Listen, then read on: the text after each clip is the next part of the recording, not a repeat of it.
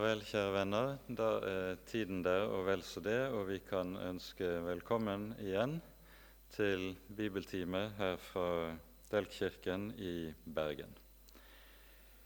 Vi eh, har denne høsten gitt oss inn i Hebreabrevet, og i kveld skal vi ta for oss det fjerde kapittelet i dette brevet. Så dette tekster som er umåte rike og henger sammen med eh, helt sentrale eh, tråder fra Det gamle testamentet. Og vi håper at vi i hvert fall kan få kaste lys over et og annet av det. La oss be sammen før vi leser ifra Skriften. Så takker og lover vi deg, Herre vår Gud og trofaste Far. Takk at vi skal få lov til å samles om ditt ord. Og takk, Hellige Gud, at du selv kommer til oss og møter oss i og gjennom Ordet. Nå ber vi deg, gode og trofaste Herre, at du vil være hos oss med din Hellige Ånd denne kvelden og gi lys i evangeliet ditt slik at vi kan kjenne deg rett, og slik at vi kan få den maten vi trenger til å leve på og til å dø på. Herre, forbarm deg over oss. Amen. Vi er altså kommet til det fjerde kapittelet i Hebreabrevet, og dette utgjør en større sammenheng. Eh, som begynner med det syvende verset i det tredje kapittel, der Hebreabrevets forfatter siterer fra Salmen 95. I dag, om dere hører Hans røst, da forherd ikke deres hjerter. Og så drar eh, teksten linjen fra Israels ørkenvandring, der folket forherdet seg mot Herren og mot Hans ord, og derfor lukkes ute fra det lovede land. Det som jo var situasjonen under Israels ørkenvandring, var at eh, to år etter utgangen av Egypt kommer folket til grensen til det lovede land. Dette leser vi om i det 13. og 14. kapittel i 4. Mosebok. Og Før de da skal gi seg i kast med å innta landet, sendes det speidere inn i landet for å finne ut hvordan forholdene er, og hva folket vil komme til å møte når de drar inn i landet. Én speider sendes fra hver stamme, så det er tolv speidere som sendes inn i landet. Når speiderne så kommer tilbake, så eh, forteller de folket at det er et godt, et rikt, et fruktbart land, et land som flyter av melk og honning. Men samtidig er det et land der det bor innbyggere som er kjennetegnet ved stor makt og stor brutalitet. Og Disse speiderne sier derfor til folket det vil være helt umulig for oss å innta det lovede land.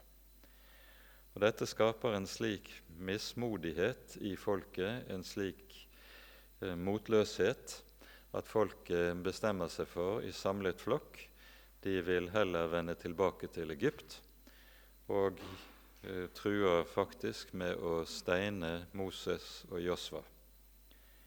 Så Herren må gripe direkte inn for å verne sine tjenere. Og dette at folket da ikke vil tro på Guds løfte og dra inn i landet, det får til følge at Herren sier ja vel, som dere har sagt, slik skal det også skje. Denne generasjonen som dro ut av Egypt, skal ikke se det lovede land. Dere skal i stedet falle om i ørkenen og 40 års ørkenvandring ligger dermed foran. Og så blir det den generasjonen som var barn etter utgangen av Egypt, det er denne generasjonen som opplever å få komme inn i det lovede land og få se hvorledes Gud holder sitt løfte og oppfyller sitt ord. Men det er altså etter 40 år.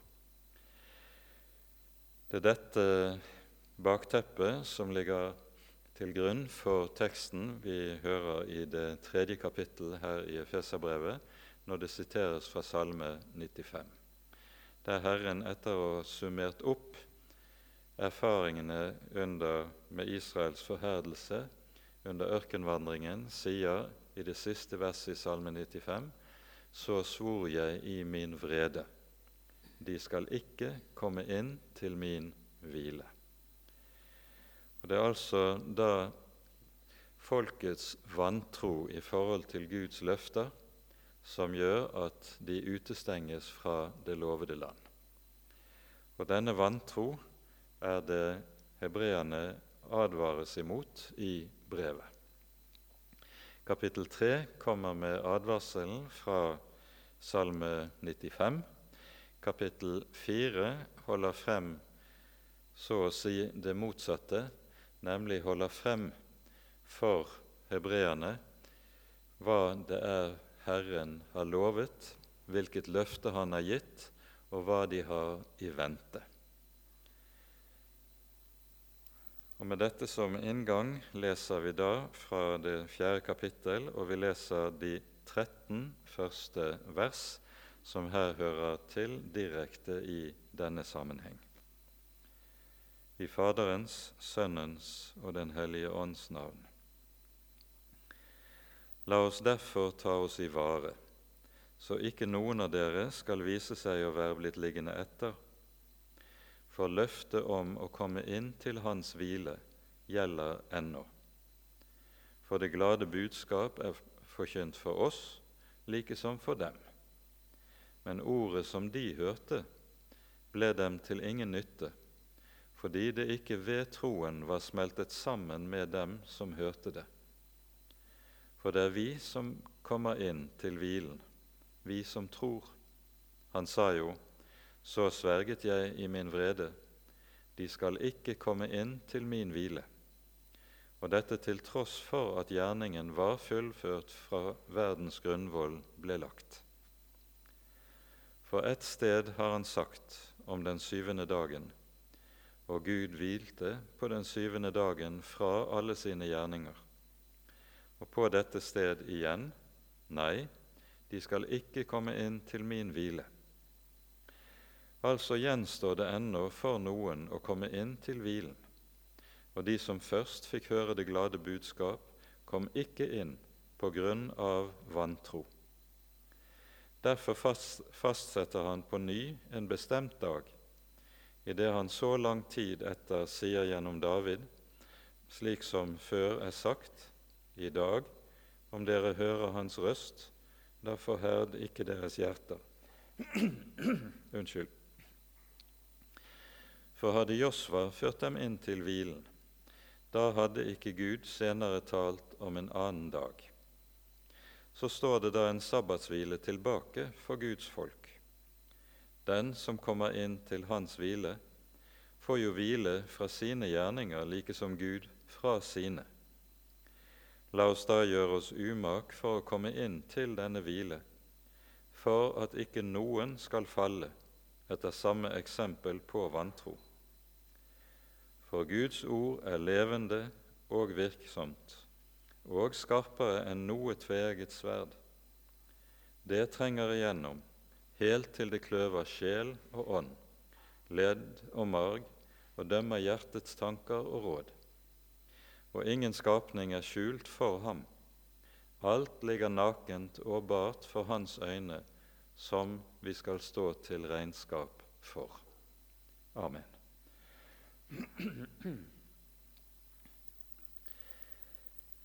Det som hebreerbrevets forfatter her gjør, det er at han tar opp løftet om hvilen som Israels folk hadde fått. Inngangen til det lovede land, det å få komme inn til landet, kalles i Det gamle testamentet for det å komme inn til hvilen. Og vi hører f.eks. i Jesaja-bokens 63. kapittel, der Guds ledelse av Israels folk i forbindelse med ørkenvandringen sammenfattes slik at Herren fører folket til hvile når de kommer inn i landet. Det er dette bildet som anvendes i Det gamle testamentet, men den hvile som det lovede land altså eh, kalles, den er ikke det som er den egentlige hvile. Den er bare forbildet på det som er som vi kanskje kan kalle for den egentlige hvile, og som det taler om i denne sammenheng. Nemlig løftet om det evige liv hjemme i det fullkomne Guds rike. Josva er et forbilde på mange vis. I det det er slik at for det første så er Josvas navn det samme som Jesu navn på grunnteksten. Eh, på hebraisk så vil Jesu navn lyde Jeshua eller Jehoshua, som er helt det samme som Josvas navn.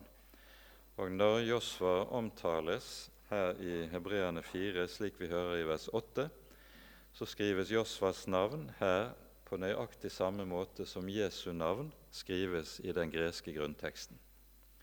Så om vi skulle omsatt det på samme vis som Jesu navn ellers i Det nye testamentet, så skulle det egentlig ha stått hadde Jesus ført dem inn til hvilen, da hadde ikke Gud senere talt om en annen dag.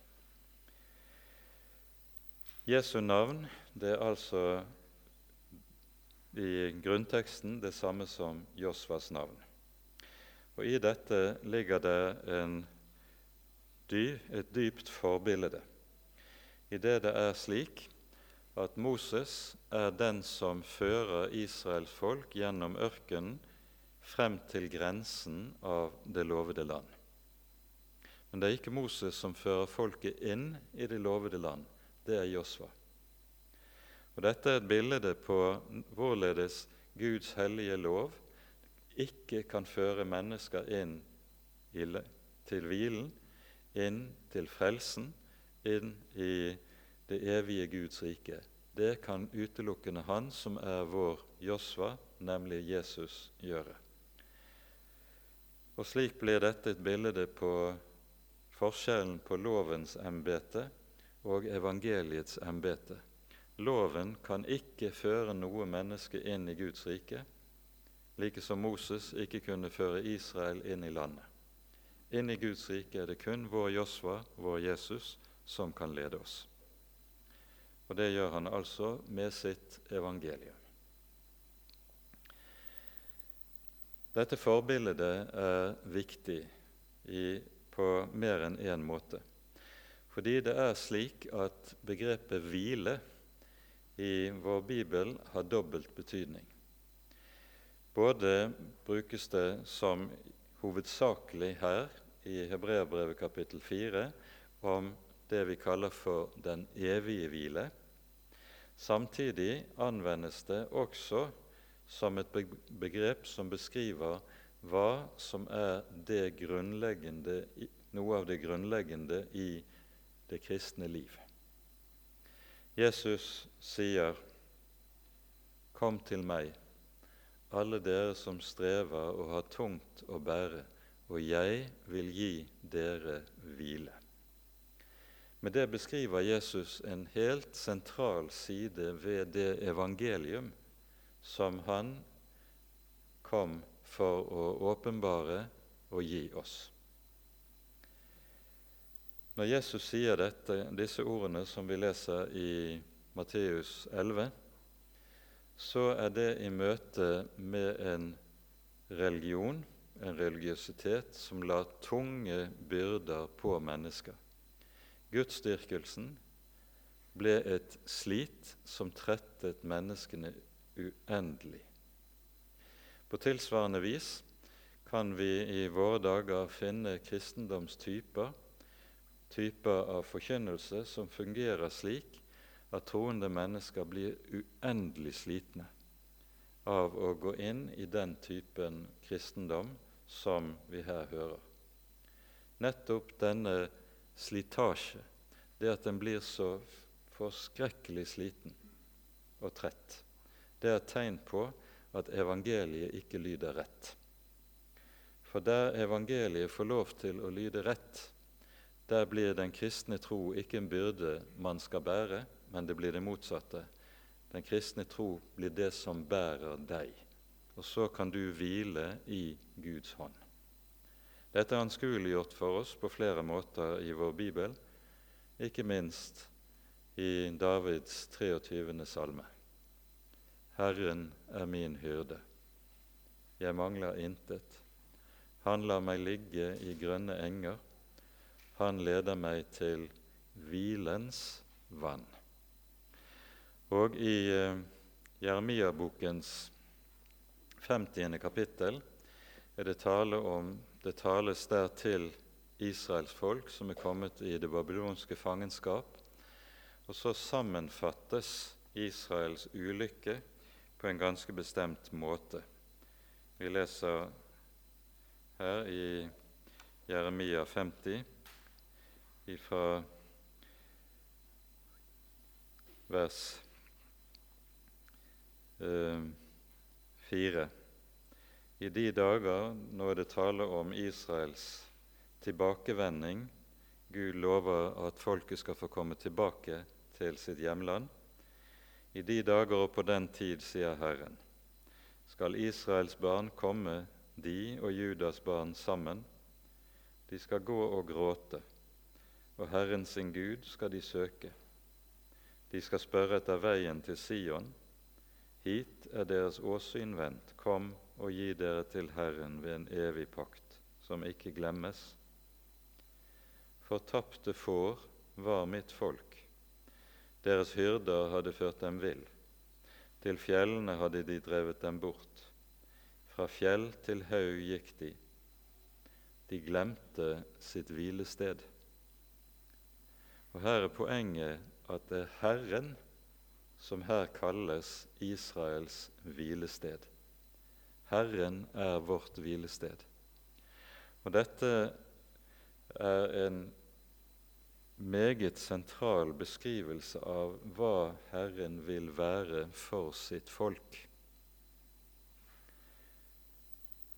Men det henger på det aller mest eller på det aller dypeste sammen med at evangeliet i Guds ord får lov til å lyde og forkynnes på rette måte. Hundrede år før Jeremias dager så taler profeten Jesaja om hvorledes Israels hyrder har kommet til å føre folket vill, slik at de nettopp farer vill på fjellet og glemmer sitt hvilested. Det taler om den forkynnelse, den åndelige mat, som folkets hyrder gir til folket. Og så sies det fra vers 7 av i Jesaja 28. Prest og profet raver av sterk drikk. Overveldet av vin tumler de av sterk drikk, de raver i sine syner, vakler i sine dommer for alle bord er fulle av vemmelig spy. Det finnes ikke én ren flekk. Altså i stedet for å servere mat, så kommer disse hyrder med spy som fulle, ordentlige fylliker gjør det. Og Dette er en åndelig beskrivelse. Så fortsetter det med beskrivelsen av disse hyrdene. De sier, 'Hvem vil han lære kunnskap?' Og hvem vil han få til å forstå sitt budskap? Er det barn som nettopp er avvent fra melken, og som nettopp er tatt bort fra brystet? For bud på bud, bud på bud, regel på regel, regel på regel, litt her og litt der. Ja, ved et folk med stammende lepper og på et annet tungemål skal Han tale, altså Herren tale til dette folk. Han som sa til dem, dette er ro, unn den mødige ro. Herren er den som har kommet til sitt folk for å gi dem ro, gi dem hvile. Men de har fått hyrder som ikke skjønner evangeliet i Guds ord, og gjør alt Guds ord kun til bud, lover og regler, til byrder som de til slutt ikke lenger makter å bære. Bud på bud kommer de med, regel på regel. Men Herren sier, 'Dette er ro, unn den mødige ro'. Det var det som skulle lyde for Herrens folk. Og så er det altså at folket i møte med den slags forkynnelse glemmer sitt hvilested. De får ikke et evangelium til å leve på og hvile i. De får en religion som kun bærer med seg strev og møye. Poenget i dette er at evangeliet er noe som ikke kun lyder og finnes i Det nye testamentet. Det nye testamentet forkynner for oss både lov og evangelium, og lov og evangelium finner du også i Det gamle testamentet. Det er dette som er bakgrunnen for at Paulus, når han underviser om evangeliet, så henter han frem Abraham som eksempel og peker på ble Abraham frelst av gjerninger? Nei, han ble frelst ved tro. Han trodde Guds ord og trodde Guds løfte. Og så gjør Paulus med dette som bakgrunn opp den helt avgjørende forskjell det er mellom tro og gjerninger i det som har med frelsen å gjøre. Intet menneske frelses ved gjerninger, en frelses ved tro på løftet på evangeliet. Det er ikke Moses som med loven og budene fører et menneske til frelse. Det er evangeliet med dets løfte til den som trenger å bli frelst. Dette evangelium er det som lyder også gjennom hele Det gamle testamentet. Og Det er avgjørende å være oppmerksom på. Dette er forbilledlig gitt oss allerede i den tekst som siteres i eh, Hebreabrevet kapittel 4, nemlig fra skapelsesberetningen, der det i kapittel 2 i Første Mosebok sies at Herren etter å ha gjort fullført skapelsen, hviler. Vi leser fra Første Mosebok 2. Så ble himmelen og jorden fullført med hele sin hær. Gud fullførte på den syvende dagen det verk han hadde gjort, og hvilte på den syvende dagen fra alt sitt verk som han hadde gjort. Og Gud velsignet den syvende dagen og helliget den, for på den hvilte han fra alt sitt verk, det Gud hadde skapt og ville gjøre.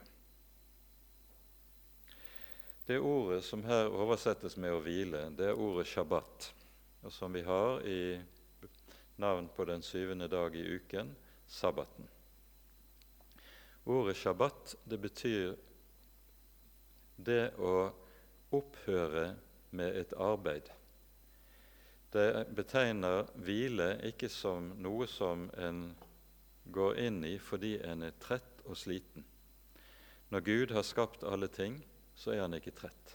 Han er den allmektige som aldri blir trett, og som aldri slites. Men han avslutter sitt verk.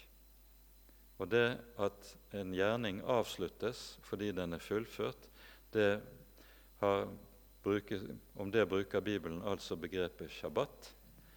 Der avsluttes et arbeid.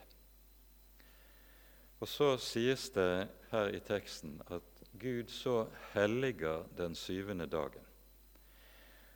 Og i det ligger det at den hvile som Gud står i på den syvende dagen, det er noe som også rekkes mennesket, og som mennesket inviteres inn i.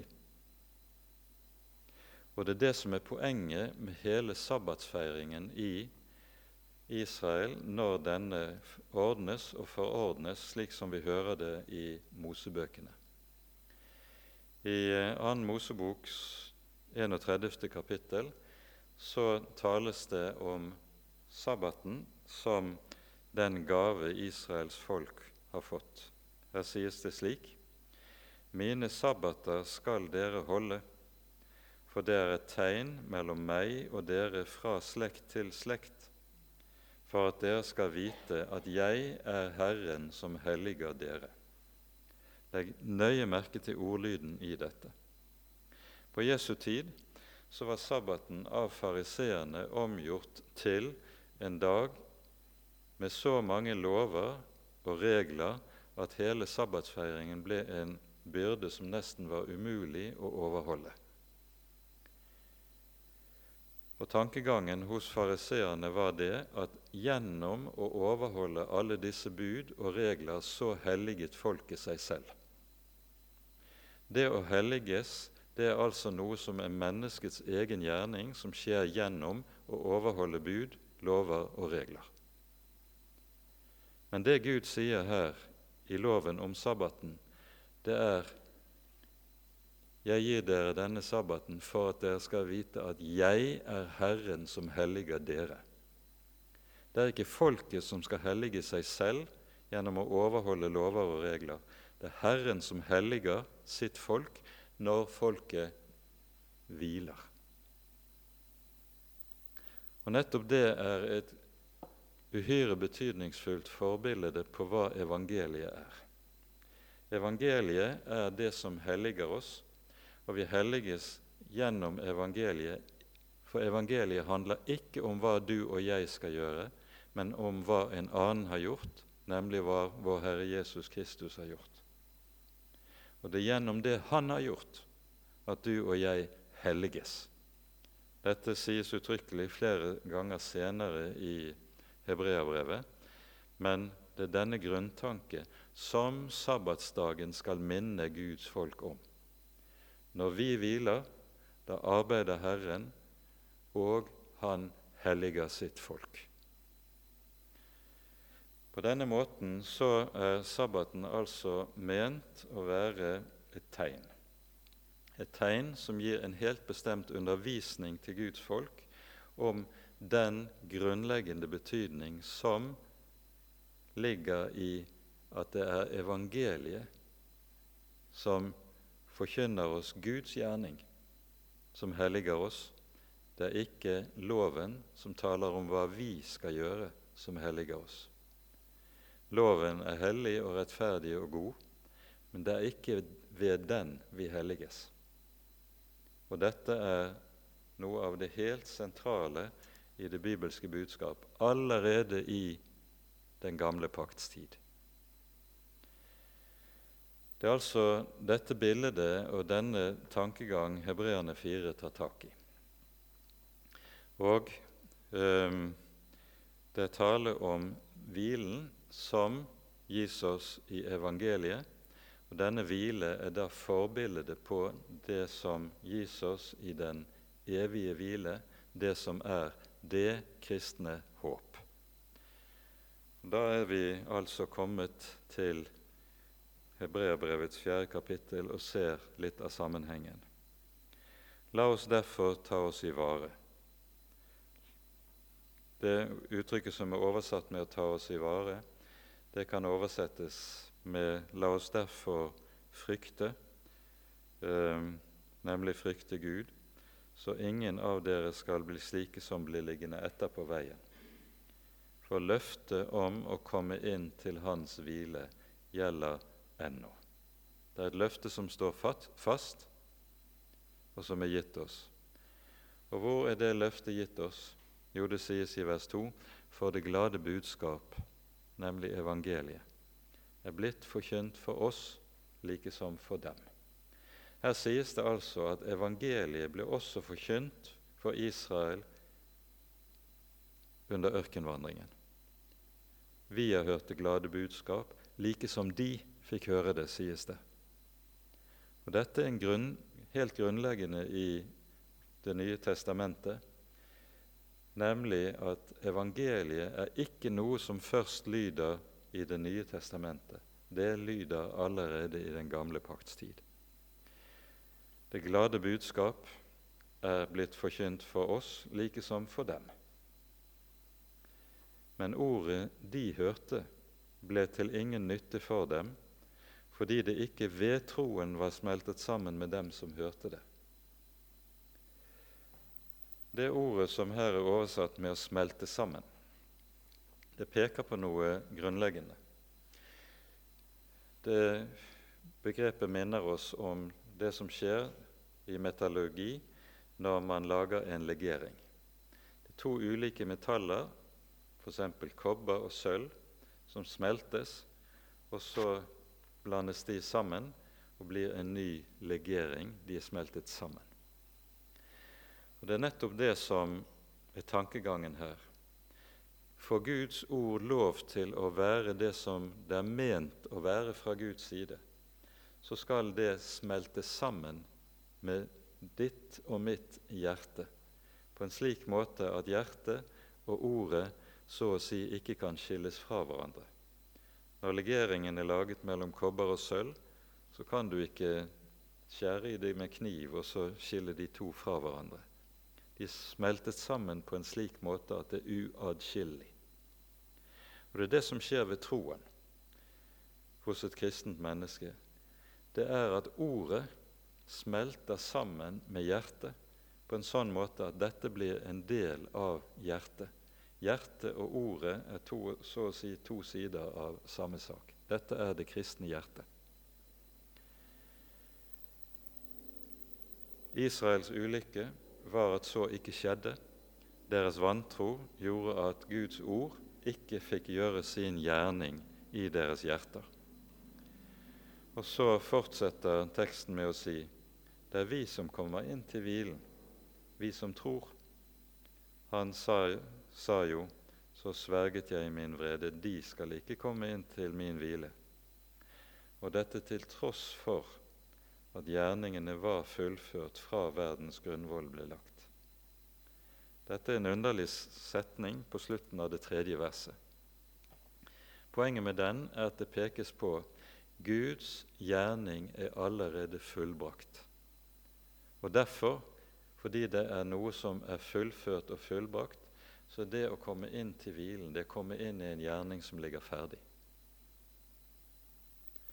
Samme sak understrekes for oss i det femte kapittelet hos profeten Jesaja, der vi hører om hvorledes Jesaja eh, synger sangen om Herrens vingård, som er bildet på Israels folk.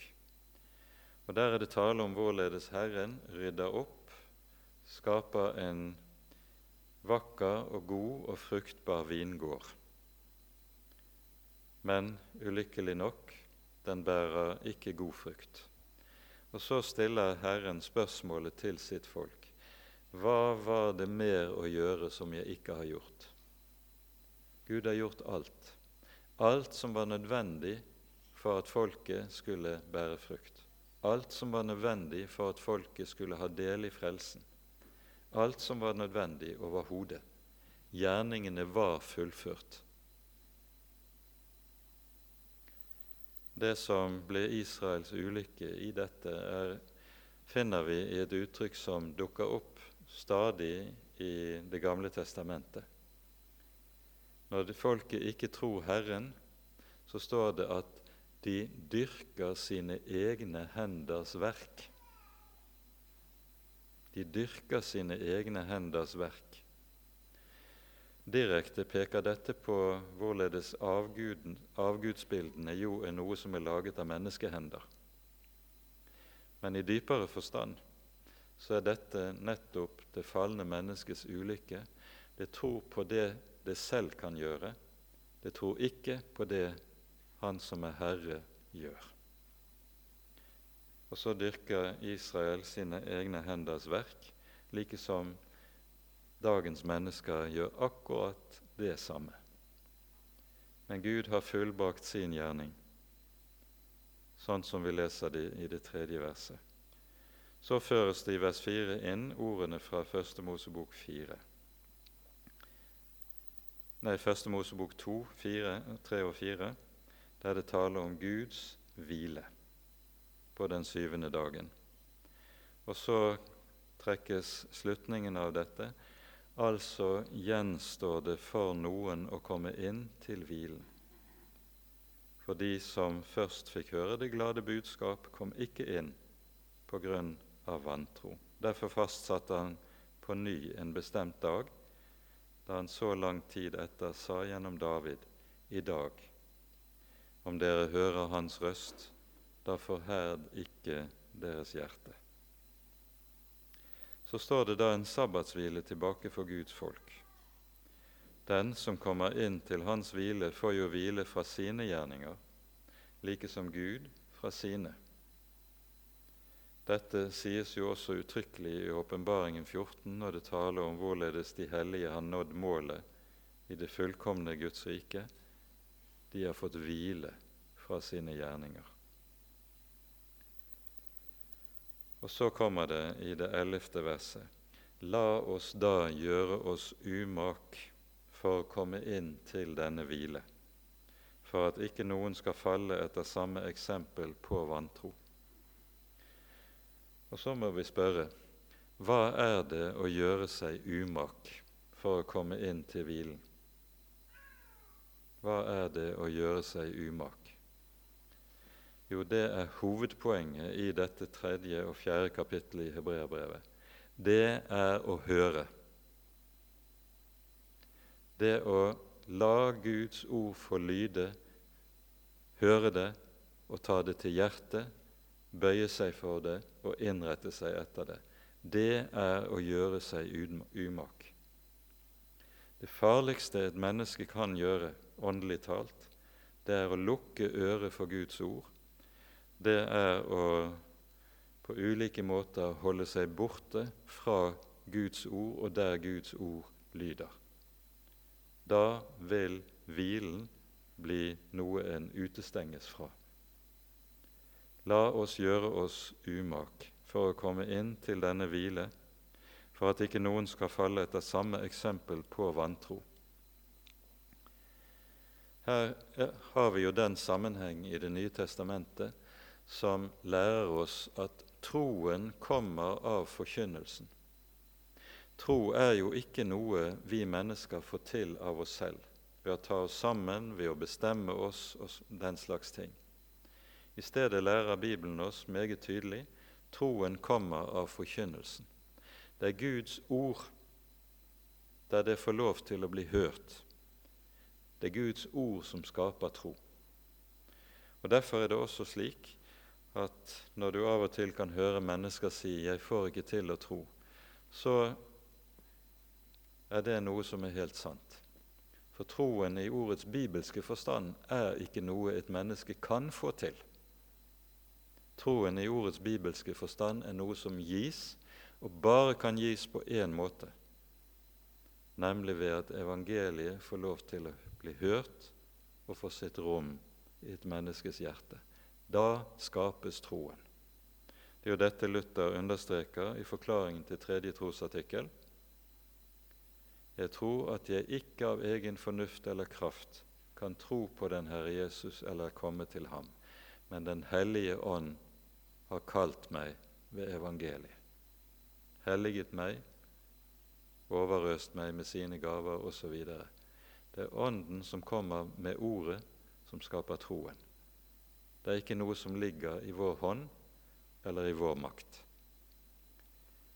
La oss derfor gjøre oss umak for at vi ikke skal falle etter samme eksempel på vantro, lyder det.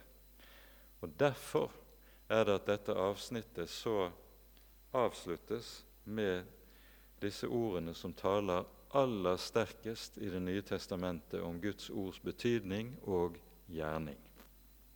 For, sies det, Guds ord er levende og virksomt og skarpere enn noe tveegget sverd. Det trenger igjennom helt til det kløver sjel og ånd, ledemot og marg, og dømmer hjertets tanker og råd. Guds ord er levende. Det er det første som sies. Og Dette er en grunnsannhet i vår bibel. Vi tenker som så at ord er noe som er en død ting. Det er vi som er levende. Ord er en død ting. og Derfor hører vi av og til at predikanter skal se for seg at det er deres oppgave å levendegjøre ordet. Da har man fullstendig misforstått det hele. Bibelen tenker motsatt. Vi er døde, ordet er levende, og det er ordet som levendegjør oss.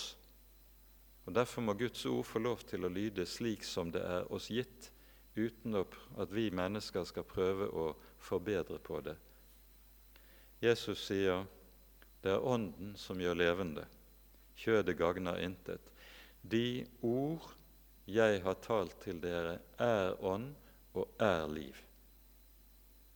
Det er Ordet som er det levende, like som Han som har talt Ordet, er den levende Gud.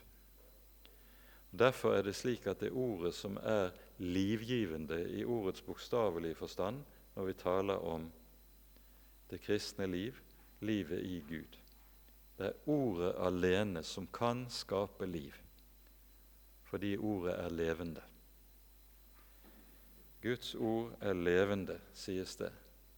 Og fordi det er levende, så er det også virkekraftig.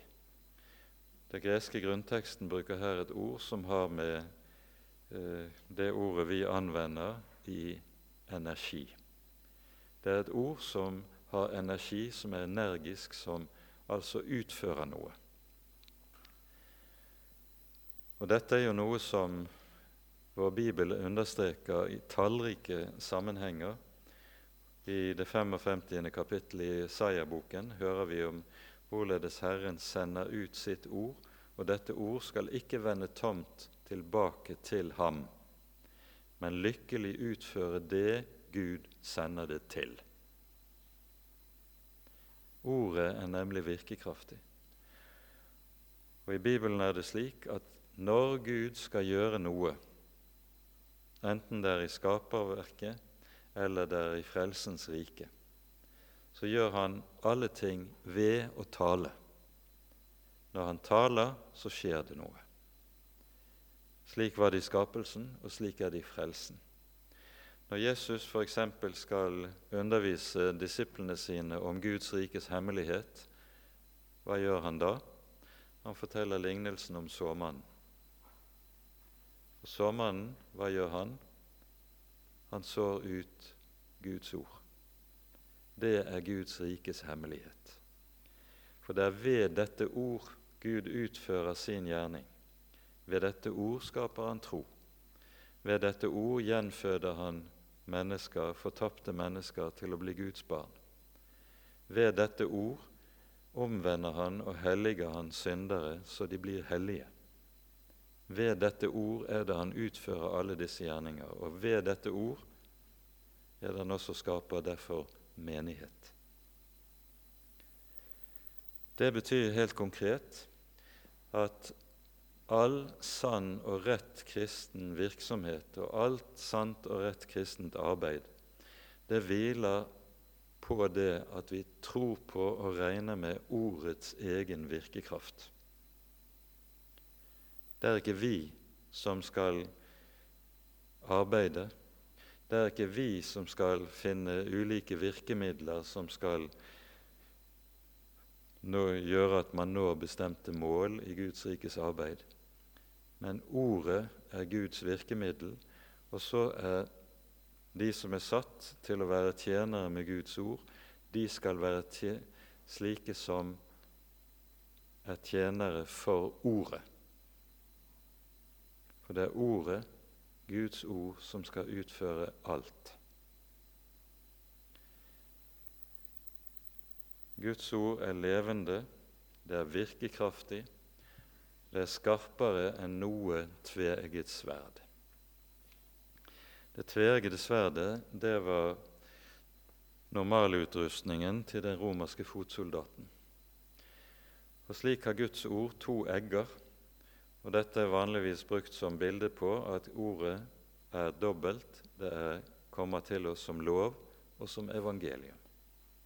Det er de to eggene i Guds ord. Og så står det at det trenger igjennom. Akkurat som et sverd i ordets fysisk bokstavelige forstand. Når det er skjerpet, så trenger det igjennom. Slik er det også med Guds ord. Det trenger igjennom. Og det trenger inn i menneskets dypeste vesen. Guds ord er ikke noe som først og fremst henvender seg til et menneskes forstand. Guds ord er ikke noe som først og fremst henvender seg til et menneskes følelsesliv. Ei heller er det noe som henvender seg først og fremst til et menneskes viljeliv. Guds ord henvender seg først og fremst til menneskets samvittighet. For i samvittigheten, der er det det sitter som vi kaller for overbevisning. Vi bruker av og til å si det slik at et menneske har en sånn og sånn overbevisning. Det er egentlig en unøyaktig uttrykksmåte. For det som er saken, er at det er det motsatte som gjelder. Hvis et menneske først er overbevist om noe, da er det overbevisningen som har dette mennesket. En overbevisning spiller den rolle i et menneskes personlighetsliv at overbevisningen styrer alt annet i menneskets liv. Det styrer hvordan en tenker, det styrer hva en vil, altså viljelivet, og det styrer langt på vei også følelseslivet. Og overbe Overbevisningen den har sitt sete i samvittigheten. Og Poenget her er at når Guds ord lyder som lov og evangelium, så er begge disse to ord først og fremst ord som er rettet inn mot menneskets samvittighet. For dermed er det også rettet inn mot hjertets overbevisning. Det er dette Jesus taler om når han underviser om Åndens gjerning i Johannes 16. Han sier når han kommer sannhetens ånd, da skal han Hva skal han gjøre? Han skal overbevise. Han skal overbevise verden om synd. Overbevisning om synd kommer når Den hellige ånd tar loven i sin hånd og anvender loven på hjertet mitt, sånn at jeg ser min egen synd, min egen skyld, ser at jeg står overfor den hellige Gud som den som er skyldig. Det er den overbevisning om synd som Ånden virker. Og Ånden skal altså virke overbevisning ved å tale til samvittigheten. Han skal overbevise verden om synd og rettferdighet. Hvilken rettferdighet er det Ånden skal overbevise om? Ånden kommer til den sårede samvittighet, som der synden er blitt et menneskes problem. Så kommer Ånden til den sårede samvittighet og peker på all den synd som du her er skyldig i, all den synd som har brakt deg i bunnløs gjeld overfor den hellige Gud. All den synd er sonet, den er båret av Guds sønn på et kors. Han har brakt frem en evig rettferdighet for lyset. Så vær frimodig. Din synd er tilgitt, din synd er sonet, du er rettferdig ved Jesus Kristus. Den overbevisning er overbevisningen om rettferdighet som Den hellige ånd skaper. Og Når denne, dette ord kommer til menneskets samvittighet, da får samvittigheten fred. Fred ved troen på Jesus. Og Derfor er det slik at lov og evangelium spiller den rolle i forkynnelsen at det er først og fremst rettet til menneskets samvittighet, for å vekke synserkjennelse og frelsesvisshet. Og Når dette blir overbevisning i et menneskes hjerte, da blir det, denne overbevisning det som også behersker alt, alle andre sider ved et menneskes personliv. Dette er så å si noe av kristenlivets grunnleggende psykologi. som henger sammen altså med helt av, den helt avgjørende rolle som forkynnelsen av lov og evangelium spiller når det får lyde rett imellom oss. Og så kommer altså Guds ord som det tvegede sverd og gjør denne dobbelte gjerning. I Skriften kalles denne dobbelte gjerning ofte med andre ord.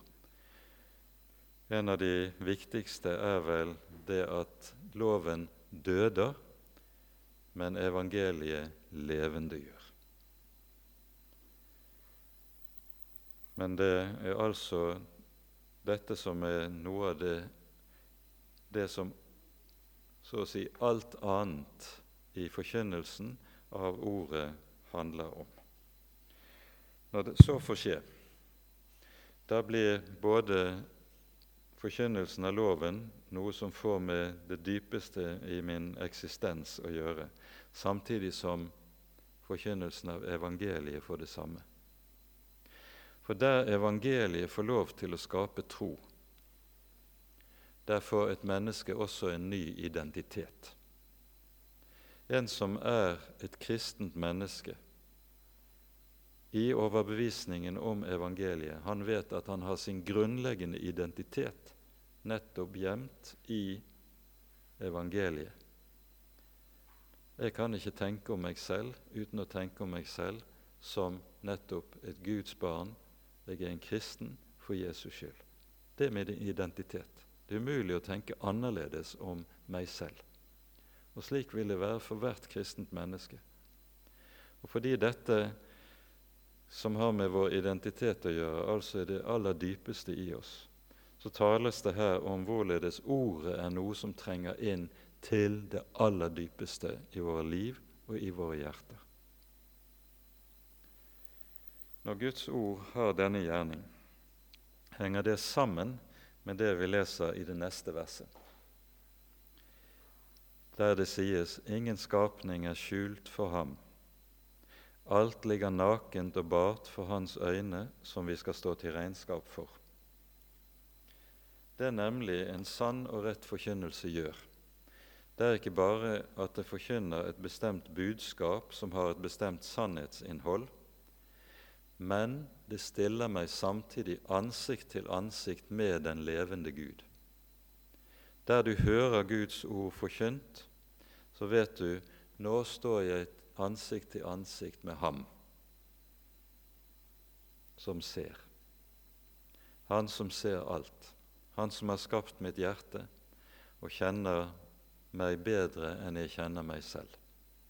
Han som kjenner min tanke forfra og bakfra. Han for hvem ingenting er skjult. I Første Mosebok så hører vi to steder, i kapittel 16 og kapittel 22, at Gud får et bestemt navn. Han er den som ser. Han er den som ser. Og han ser oss inn i det aller dypeste i vår, våre hjerter. De innerste avkroker som vi selv ikke verken ser eller forstår i våre egne hjerter. Han ser det. Han vet det. Ingenting er skjult for ham. Og det er denne Gud, Han som ser, vi har med å gjøre. Og Det er Han som kommer til oss med sitt ord, et ord som avslører både meg, men først og fremst avslører evangeliet om Sønnen. Det evangelium som gir hvile. Det evangelium som har det med seg at når du hører det, så kan du si endelig. Takk, Herre, at du ledet meg til hvilens vann. Takk, Herre, at du er min hyrde, og at i deg har jeg alt og mangler intet. Det er evangeliets rikdom som det lovede land er forbildet på. Det er den hvile som evangeliet leder et hjerte inn i og inn til. Og den hvile som du får lov til å smake når du får høre et rett evangelium forkynt. Denne hvilen den er en forsmak på det som venter oss når vi kommer inn i det lovede land for godt for endelig. Dette gir hjertet den store glede. Og det er også det som derfor at evangeliet er det glade budskap.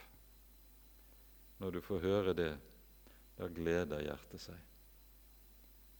Da fylles du av visshet, en visshet som bærer i seg håpet for hvilen. Og Med det setter vi punktum for kveldens bibeltime. Ære være Faderen og Sønnen og Den hellige ånd, som var og er og være skal, en sann Gud, høylovet i evighet. Amen. La oss så sammen be Herrens bønn. Vår Far i himmelen. La navnet ditt helliges. La riket ditt komme. La viljen din skje på jorden slik som i himmelen. Gi oss i dag vårt daglige brød, og tilgi oss vår skyld, slik også vi tilgir våre skyldnere. Og la oss ikke komme i fristelse, men frels oss fra det onde. For riket er ditt, og makten og æren i evighet. Amen. Ta så imot Herrens velsignelse.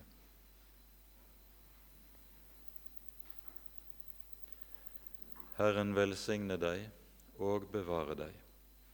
Herren la sitt ansikt lyse over deg og være deg nådig. Herren løfte sitt åsyn på deg og gi deg fred. Amen. Og Med det sier vi takk for i kveld. Neste bibeltime blir siste bibeltime før jul. Det er 7. desember, der vi fortsetter gjennomgangen av hebreerbrevet. En god kveld ønskes alle, og vel hjem.